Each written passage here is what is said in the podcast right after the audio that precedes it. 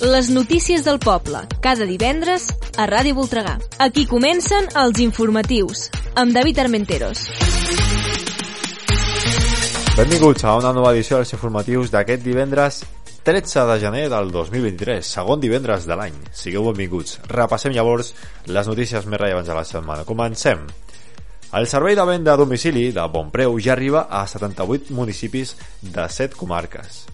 Osona, amb un 76,3%, és una de les tres comarques catalanes amb el percentatges més elevats de població que compra per internet segons les dades de l'IDESCAT. El servei de venda per internet que Bonpreu va posar en marxa el 2017 en la modalitat de recollida d'un punt de venda i dos anys més tard, el 2019, amb l'opció d'entrega a domicili, dona servei ara mateix a una massa crítica de 3,4 milions d'habitants, entre els que destaca els municipis del Voltreganès. Sessió d'alcaldessa per un dia amb el consistori infantil. S'ha dut a terme la primera sessió d'alcaldessa per un dia amb els representants de cinquè de primària dels centres educatius del Voltreganès d'aquest curs escolar. Al llarg del mes de gener es realitzaran diferents sessions per tal que totes les integrants del consistori en puguin gaudir. Aquest projecte pretén donar a conèixer les activitats i el dia a dia de l'alcaldessa vivint-ho en primera persona. Durant l'acte es va celebrar una reunió de coordinació d'activitats i projectes dels tècnics municipals, visita als parcs infantils i reunió amb els serveis tècnics. Finalitzada la campanya, aquí sortegem dels ajuntaments del Voltreganès. Després del sorteig realitzat durant la missió del Quinto de Reis de Ràdio Voltregà es dona per finalitzada aquesta campanya 2023. Els ajuntaments valoren positivament la col·laboració dels comerços del Voltreganès que enguany han arribat a un nombre total de 73 establiments, dels quals 40 són del municipi de Sant Hipòlit. Les persones guanyadores han estat majoritàriament del poble, tot i que també hi havia algunes de fora del Voltreganès. La deixalleria mòbil a Vinyoles. Des de l'Ajuntament de les Masies s'ofereix un nou servei, la nova deixalleria mòbil situada a Vinyoles. A partir del proper dimecres 18 de gener i cada tercer dimecres del mes, aquest servei a l'aparcament del pavelló de Vinyoles estarà disponible de 9 del matí fins a les 3 de la tarda per a aquelles persones interessades. I anem amb la presentació de la temporada 2023 dels Teatrets d'Osona. Aquesta setmana s'han presentat la nova temporada dels teatrets a la Sala Canal de Tona, una quincena de propostes familiars musicals i d'altres gèneres que enguany arriba a la vuitena temporada. L'acte va comptar amb la presència de representants de cultura dels municipis de Roda de Ter, Tona i de Sant Hipòlit, on destaquen els espectacles per a un públic familiar com el de Sopa de Pedres, d'Engruna Teatre, que serà l'encarregat d'obrir la temporada aquest diumenge 15 de gener a Sant Hipòlit.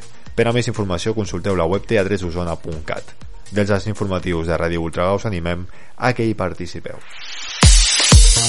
Ràdio Voltregà. Informatius. Els esports. El Voltregà s'emporta a l'última plaça per la Copa. Els osonencs necessitaven guanyar en el duel d'aquest diumenge contra el Noia Freixenet i esperar que el Lleida perdés el seu partit contra el Liceu i així ha estat.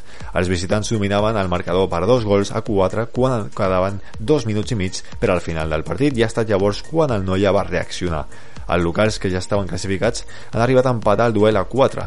El Noia inconformista amb l'empat ha buscat la victòria amb el porter jugador i ha estat llavors quan Didac Alonso i Gerard Teixidor a porteria buida han fet sumar els 3 punts al Voltregà. Amb la victòria, els osonencs han empatat a 16 punts en la classificació amb el Lleida i l'Alcoi, però, però el gol average general és el que ha decantat la balança. Barça, Liceo, Noia i Reus com a caps de la sèrie i Calafell, Igualada, Caldes i Voltregà jugaran la Copa que es disputarà del 2 al 5 de març al Calafell. L'equip de Lluís Teixidor ja pensa en la Hockey Lliga, on s'enfrontaran al Deportivo Liceo demà a les 5 de la tarda, partit que podreu veure per YouTube Hockey Lliga Televisió. Per la seva part, el Voltregà femení va prendre davant el Gijón en un partit on ha competit de tu a tu contra les asturianes. El resultat final va ser 2 a 4, on els dos gols van ser marcats per la Berta Faran i un golaç de l'Irene Torres. L'equip passa a pàgina i ja pensa en el proper duel contra l'Igualada, que jugarà demà a les 8 del vespre. Ràdio Voltregà. Informatius. El temps. En les properes hores els núvols alts taparan el, tot el cel, el sol costarà de veure, per tant al llarg del dia el cel variable i a la nit el cel estarà parcialment cobert. Lleugera baixada de les temperatures, és a dir, s'arribarà als 13 graus de màxim, en canvi la mínima serà de 7.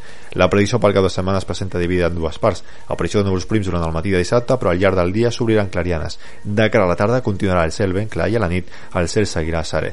I de cara a diumenges es pretenia un petit canvi de temps. Aparició de núvols prims a primera hora, però a mesura que avanci el dia, aparició de ruixats i predominarà el cel cobert i l'ambient invernal.